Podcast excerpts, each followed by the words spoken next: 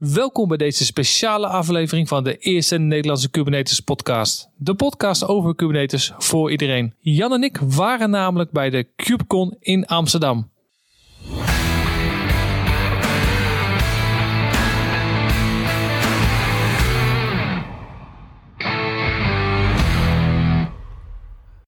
Welkom bij deze topaflevering. Tijdens KubeCon kregen Jan en ik een mooie mogelijkheid die we niet voorbij konden laten gaan. We konden namelijk in gesprek met Gabriel Colombro, de General Manager van de Linux Foundation in Europa. In dit interview vertelt hij over de Open Wallet Foundation, wat een open alternatief zou kunnen worden voor Apple Pay en Google Pay. Daarnaast vertelt hij over Project Silva, een universeel framework voor cloudoplossingen in de telco-industrie. Dit alles levert echt een superleuk gesprek op en dus veel luisterplezier.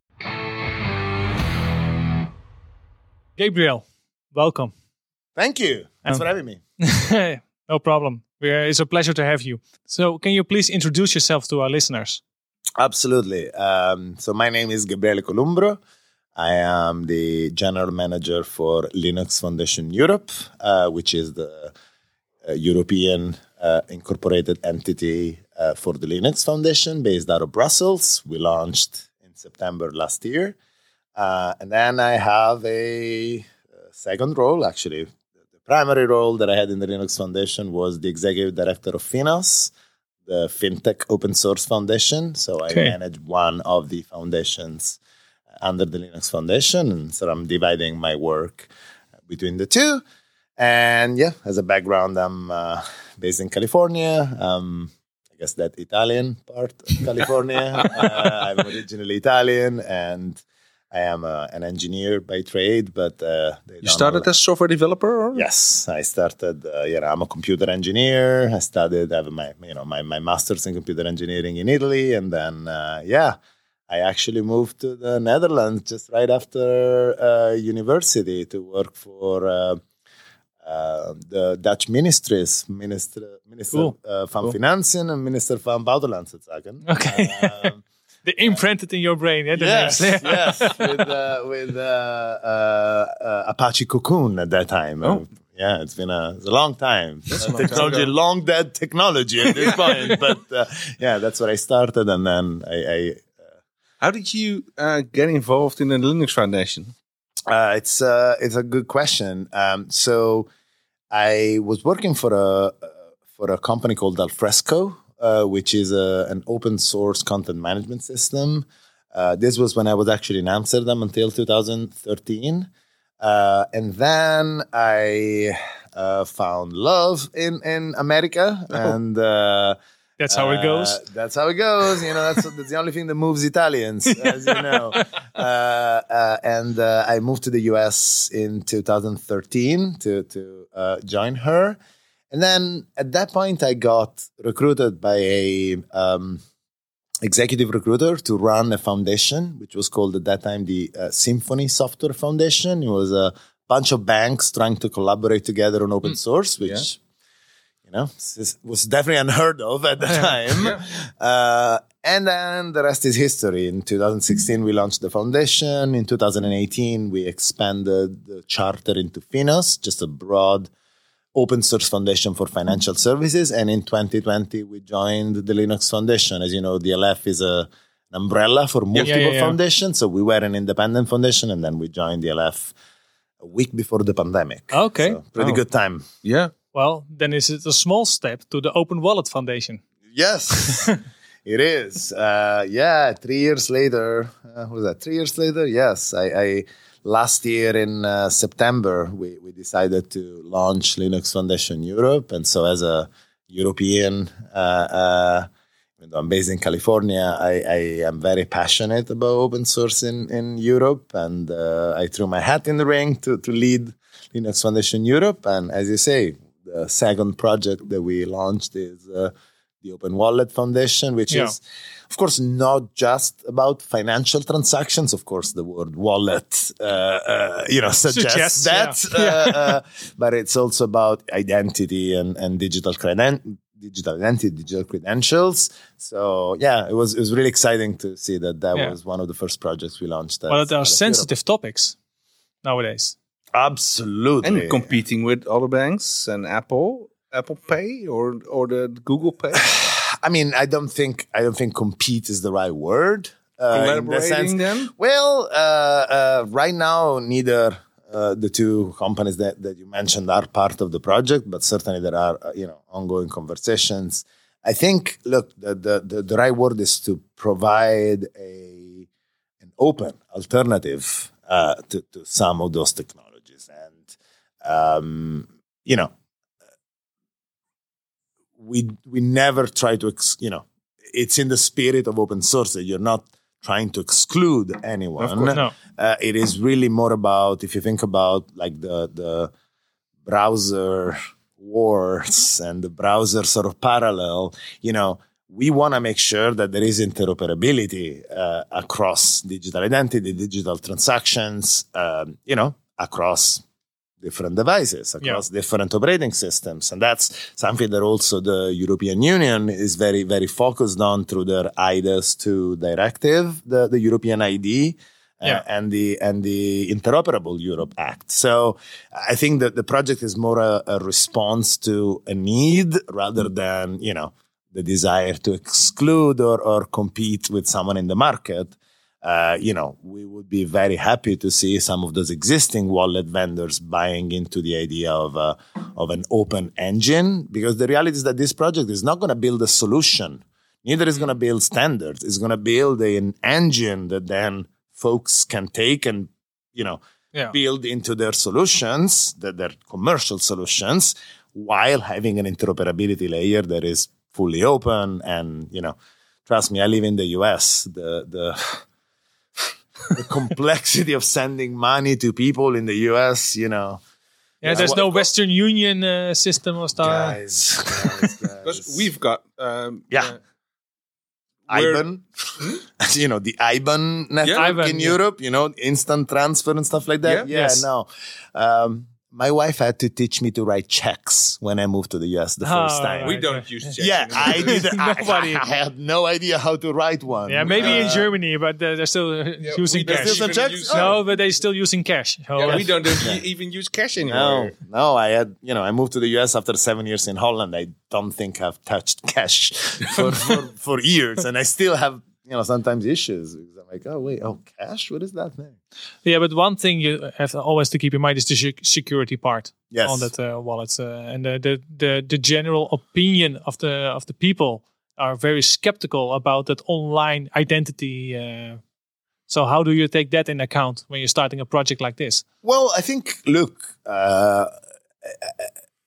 you know, having the open source code, uh, sort of without going into the philosophical conversation of security by obscurity versus security by many Sure. eyeballs, if you know what I mean. Yeah. Yeah, yeah, um, you know, having an engine open source doesn't in any way mean that you have to open your data uh, uh, to to you know exactly. the public. Yeah. Uh, I think I would sort of counter your observations to say that actually the main risk is when your identity is with a single vendor and with a single uh, uh, you know entity that's Yes.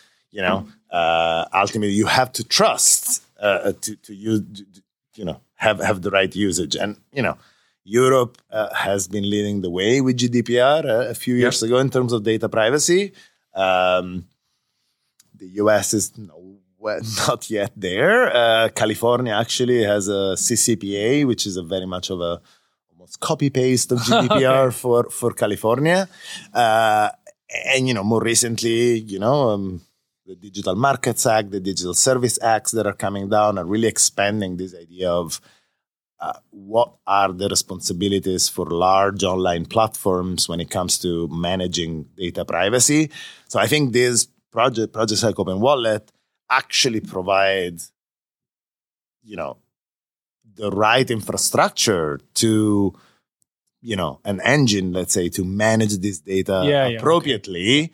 And so that's why my hope is that sort of those vendors that you mentioned before, you know, in the long run would adopt these these projects, Mm-hmm. Yeah. um, especially if they comply with a lot of the regulations already. That That's how it should be. I think so. Yeah. ACC ICT is specialist in IT-continuïteit. Bij ACC ICT staat alles in het teken van continuïteit waarborgen voor bedrijfkritische applicaties. Of het nu gaat over Managed OTAP, Cloud en Kubernetes, ze geven hier invulling aan om door samen met hun klanten een toekomstbestendige strategie uit te stippelen voor het gehele proces van ontwikkelen tot en met productie. In your talk, you also talked about uh, Project Sil- Sylva. Yep. Can you elaborate on that uh, the project a little Yeah, bit? Yeah, absolutely. Um, so Project Sylva was started by the seven uh, largest, uh, you know, telco vendors in Europe, um, both, uh, you know, network operators as well as, as um, you know, device uh, producers. So we're talking about Orange, uh, Telecom Italia, Oh, yeah, sure. Telefonica, KPN. Deutsche Telekom. I don't know that KPN was in the initial ones, but I think they should. Not that big. They should. yeah, at least they should. Yeah. Yeah, they should. I mean, I mean uh, the, the project is growing quickly, so who knows? Maybe they are already involved. Involved. I haven't. I haven't checked uh, recently, but um, and also you know Nokia, Ericsson, the the the, the device uh, sort of uh, manufacturers as well. And the idea is to, you know, continue to mutualize more and more of sort of the, the, the telco cloud stack. Uh, um, not by reinventing the wheel. I mean, there's already a lot that is covered in Kubernetes Yeah. and sort of in main sort of general purpose cloud uh, uh, communities, let's say, Yeah. and open source projects.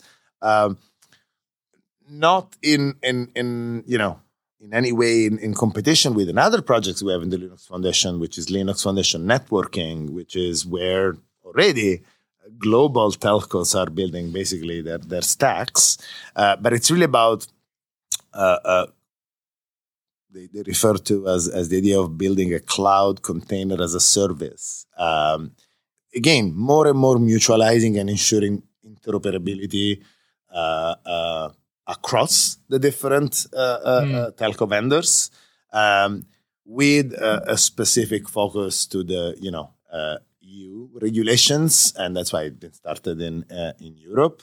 Uh, that said, the, the project really is um, looking to collaborate and sort of be part of a broader ecosystem. You know, uh, security requirements coming from uh, ENISA or, or you know, integrating with Anuket, one of these projects uh, uh, under LF networking, uh, Gaia X. Uh, uh, you know, really making sure that we're not reinventing the wheel, but this No, is sort Of using the taking the best of breed. Uh, Yeah. So think about, you know, you would probably think about this as downstream to Kubernetes, uh, downstream to Anuket, and really just uh, integrating sort of best best of all worlds. uh, and uh, we're really interesting. Uh, we've seen a lot of uh, early early interest. I just had our first uh, advisory board meeting, and, Ah, and yeah. uh, Sylva reported back like a lot of early interest, a lot of commits, a lot of new Cool. organizations that are coming in in the public channels, which yeah. For a, a regulated entity and, and community like uh, Telco, it's Yeah. uh, it's interesting. Yeah, but the the extent that open source has got to. yeah, the world is changing. Then Mm-hmm. it's going open source. Yeah, even banks contribute. To the world open is going Wow, open man. source. Yeah. Absolutely. Yeah. Well, yeah, great. Yeah. Yeah. I was looking at the li- at That was the a very list. Dutch comment. Yeah, great. Inter- I will cut that one out. I think that's the funniest part. But uh, it- like uh, we're, we're uh, on uh, KubeCon at the moment, yep. and uh, we see ten thousand people here. It's the biggest of Europe. Yep. What's do do you like it here? Or what What's your your your uh, takeaway from from KubeCon till now?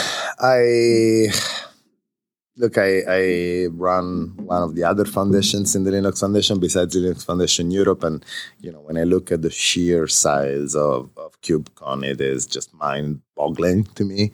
Uh, we were talking before the podcast that I that I lived for seven years in Amsterdam when I was sort of much younger and fresher, and uh, uh, uh, about you know just over ten years ago, and you know I've been at several conferences here at RAI, and and generally is you know money 2020. You know, people from banks and fintechs with plenty of money, and then just this very super, you know, um, high dollars, let's say, Yeah. uh, trade shows. Seeing the open source community filling 10,000 people here is just something that, you know, should really definitely make us very proud. Uh, I think it's also a uh, reflection, just not just about the, the, the world eating, being eaten by open source, uh, but it's also, you know, how relevant technologies like Kubernetes and just generally the, you know, industry by industry moving to cloud. Yeah. Uh, uh, yeah, so we were definitely very, very proud. Yeah, but because the uh, the new people that were coming to the KubeCon were like fifty eight percent of the audience. That's an insane amount of people that get in touch for the Yes. first for the first time quotations. Yeah, for to with uh, with open with uh, maybe open source in general, but Kubernetes is it's skyrocketing the uh, in the atmosphere. It is crazy. I actually didn't hear that quote. It is, it is even more uh, impressive. I, Yeah, the, in, yes, yesterday in the in the keynote. at the keynote they told Chris. it that, like yeah, Chris, Yeah, yeah, Chris there's was- Chris was fifty eight percent of the people are new. Wow. Wow. It is. It is a you know an exploding. Uh, there are lots of. Dutch people, so of course we're Yes. in the Netherlands, and Kubernetes is big in the Netherlands. That's why we have a podcast in the Netherlands. but but yeah, it's it's yeah, it's fun to see so many people. You're right. I was surprised. You know, just compared to quote unquote relatively small, uh, the Netherlands is compared to, Yep. to other European countries. I mean, this is the one Kubernetes event, uh, uh, major event in, in Europe. And I, you know, I was talking to a taxi driver the other day as I was driving back, and he was complaining that there weren't enough people taking taxes. It's like, what's going on? There's 10,000 people here. Why are people not taking taxes? It's almost like if they're locals. Yeah. I said, man, dude, maybe they are locals, they you are know? locals. Uh, so interestingly, that, that you mentioned that as well. That's a that's a great talk. Yeah, observation. Why? I well, Oh, that's that's cool. That's cool. So and and um, you have you seen some some talks? I actually was so busy that I've seen some very, very, you know, sketches of the keynotes, but I haven't got a chance yet to see talks. Uh, I've had a press conference yesterday. I had our, our first uh, advisory board meeting for LF Europe uh, today. Tomorrow I do have a talk, though. Just shameless plug, uh, if that's okay. yeah, Uh, sure. Pl- plug away. Great, thank you. I I actually will be talking. Um, uh, first of all, I have two minutes in the in the opening keynote uh, tomorrow morning to call to to do a call to action for our community to um, take action on the Cyber Resilience Act, uh, which is a current currently being developed as a regulation for the European Union to really bolster uh, cybersecurity. But in the way it's currently written, has uh, you know creates the potential for um, liability for individual contributors to open source Okay. and and for potentially foundations. Um, so we really are asking the community to have their their voice heard. Um, so I'll have two minutes on stage, and then we have a, a pretty interesting uh, birds of the feather, uh, birds of a feather session around eleven, um, with uh, you know representative from from corporates, sort of Orange, representative from policy, and so proud to have Greg uh, Kroah-Hartman, who's the uh, main maintainer for the Linux uh, stable uh, branch, uh, Cool. kernel branch. Um, kind of, I have a little bit of imposter syndrome, I have to say. uh, but yeah, it's been so kind as, as you know, this is something that potentially impacts, uh, you know, every every open source developers in Europe. He's based here in Amsterdam. So. Oh yeah, also. nice. Yep. Kind of a kind of a good place to be. Good place to be. Yeah. So I don't know how many, how much time we still have. Five Maybe minutes. five minutes. Yeah. Now, uh, the question we always ask our uh, uh, guests: How do you see Kubernetes in the future? Yeah. And or do you see what what do you see in the future? It's more more open. So imagine you have a crystal ball. yeah, Well, I mean, look, uh, specifically to Kubernetes, I'm, uh, you know, I can I can only I don't think I'm the best, uh, you know, person to to opine as I am, uh, you know, more of an open source generalist than than a you know cloud uh, expert, if that makes sense. But of course, you know, I I don't see Kubernetes going anywhere. Uh, I I think uh, it's only continue going to continue to grow because that's become effectively the you know de facto standard for for anyone going to cloud, and so as more industries even the most regulated ones, you know, healthcare, public health, you know, um, public sector, uh, continue the, the, move to cloud. I can only see this growing.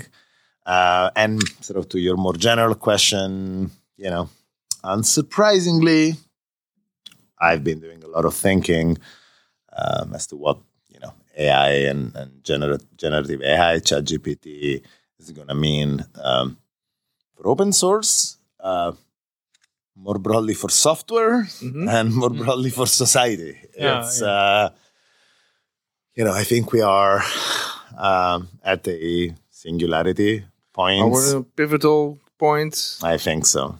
I think so. I, you know, I think this is probably even more transformational than when the when the iPhone got got introduced. Yeah. Um, but is it a good thing or a bad thing? you know i'm a i'm a progressive person by nature yeah. uh, and so you know I, I think progress cannot be stopped i did indeed though on a personal basis sign the elon musk letter and if but you guys are, for, familiar him. with it that's that's that that he can catch up yeah, exactly. That's a that's, that's, uh, that's, a very Italian way of thinking. no, you're Italian. right. You're right. You're right. I mean, look, I, I um, my biggest fear, uh, to be honest, is, you know, I over the last ten years we've seen the, you know, the side effects that you know, sort of living in a post truth, post facts world uh, can have on society, especially when you have, um, you know, large companies, you know, monetizing on potentially having more and more, more, a more and more divisive, divided population and sort of showing, you know, through social networks, uh, just just your own echo chamber, just sort of what you want yeah. to see and continue yeah. to divide people. I mean, uh, as a as a someone living in the U.S., uh, I felt that pain in 2016 very very heavily. Where you know, uh, arguably the elections were were you know swayed by 30, 40,000 people that yeah. were very heavily targeted uh, uh, by this machine. And I have seen over the last eight years how really again, um, there are fundamentally different versions of the truths, yeah. truth that, that people think about. And so if you then pair that with super powerful large language models and and and um, effectively technologies like ChatGPT, which you know they're not necessarily thinking, but they encourage you. No, they they almost remove the need for learning yeah, yeah, or exactly. thinking and you pair that with the fact that potentially they're trained on this large you know set of internet. whether it's the truth or not it's debatable. Yeah. And so there's no such concept of truth. People don't have to develop the necessary skills to to discern what is the truth. Yeah that worries me very yeah. much. And so I, I, don't know what the solution is. I don't think stopping ChatGPT like Italy did, by the way. You know, yeah, the oh, Italy it, banned ChatGPT. Is, is it? Uh, yeah, yeah. It's done. It's done. They banned no, it for, I don't think for a while. That's I don't possible. think that's the solution, but I think regulation should be in order. Regulation w- would be needed, and I think you know more, you know, less black box. Again, I know that that's the power of AI to, to you know, let let it um, you know, not program an algorithm, but let it, you know. But the uh, algorithm is open. Yes. But well, the, the, the, data behind that as of we open. know, it's open. yes. yeah, you mean, can run it on your phone. Yeah. Nowadays. Yeah. I mean, arguably, OpenAI has evolved uh, into not being really No. open. The, the, the, the chat G- GPT-4 is not open, Yeah, but the tree, it's it's an algorithm from Facebook. yeah, it's correct. It's correct. But, So- but yeah, I think, op- I mean, from an open source standpoint, I do think that Oh, it's stupid. eh, no single company should have No, that's kind of control. massive power. Yeah. And I think there is some role for the open source community, not only to create tools, but ideally there should be some kind of open governance around how the, you know, the, the big brain is is created and managed. so the AI Foundation. Who knows? Well, we do have an LFAI foundation, LFAI and Data Foundation, and that's more focused on tooling primarily. PyTorch got contributed to the Linux Foundation uh, last year by Oh, cool. Meta. So we do have several AI tools. Um, you know, remains to be seen whether the Linux Foundation is going to play a, a, a deeper role on, you know, AI regulation. There is an AI Act coming down uh, from the EU, or you know, further where there is a openly governed uh, data set, AI data set that we can all uh, sort of train on and rely on. I think that's a little bit too far in the future, but Yeah. so uh, thank you very much for your Thank time. you for all And, uh, those insights Yeah, great insights. and insights. this great talk. thank you, folks. I really appreciate the opportunity. Thank you Okay. all.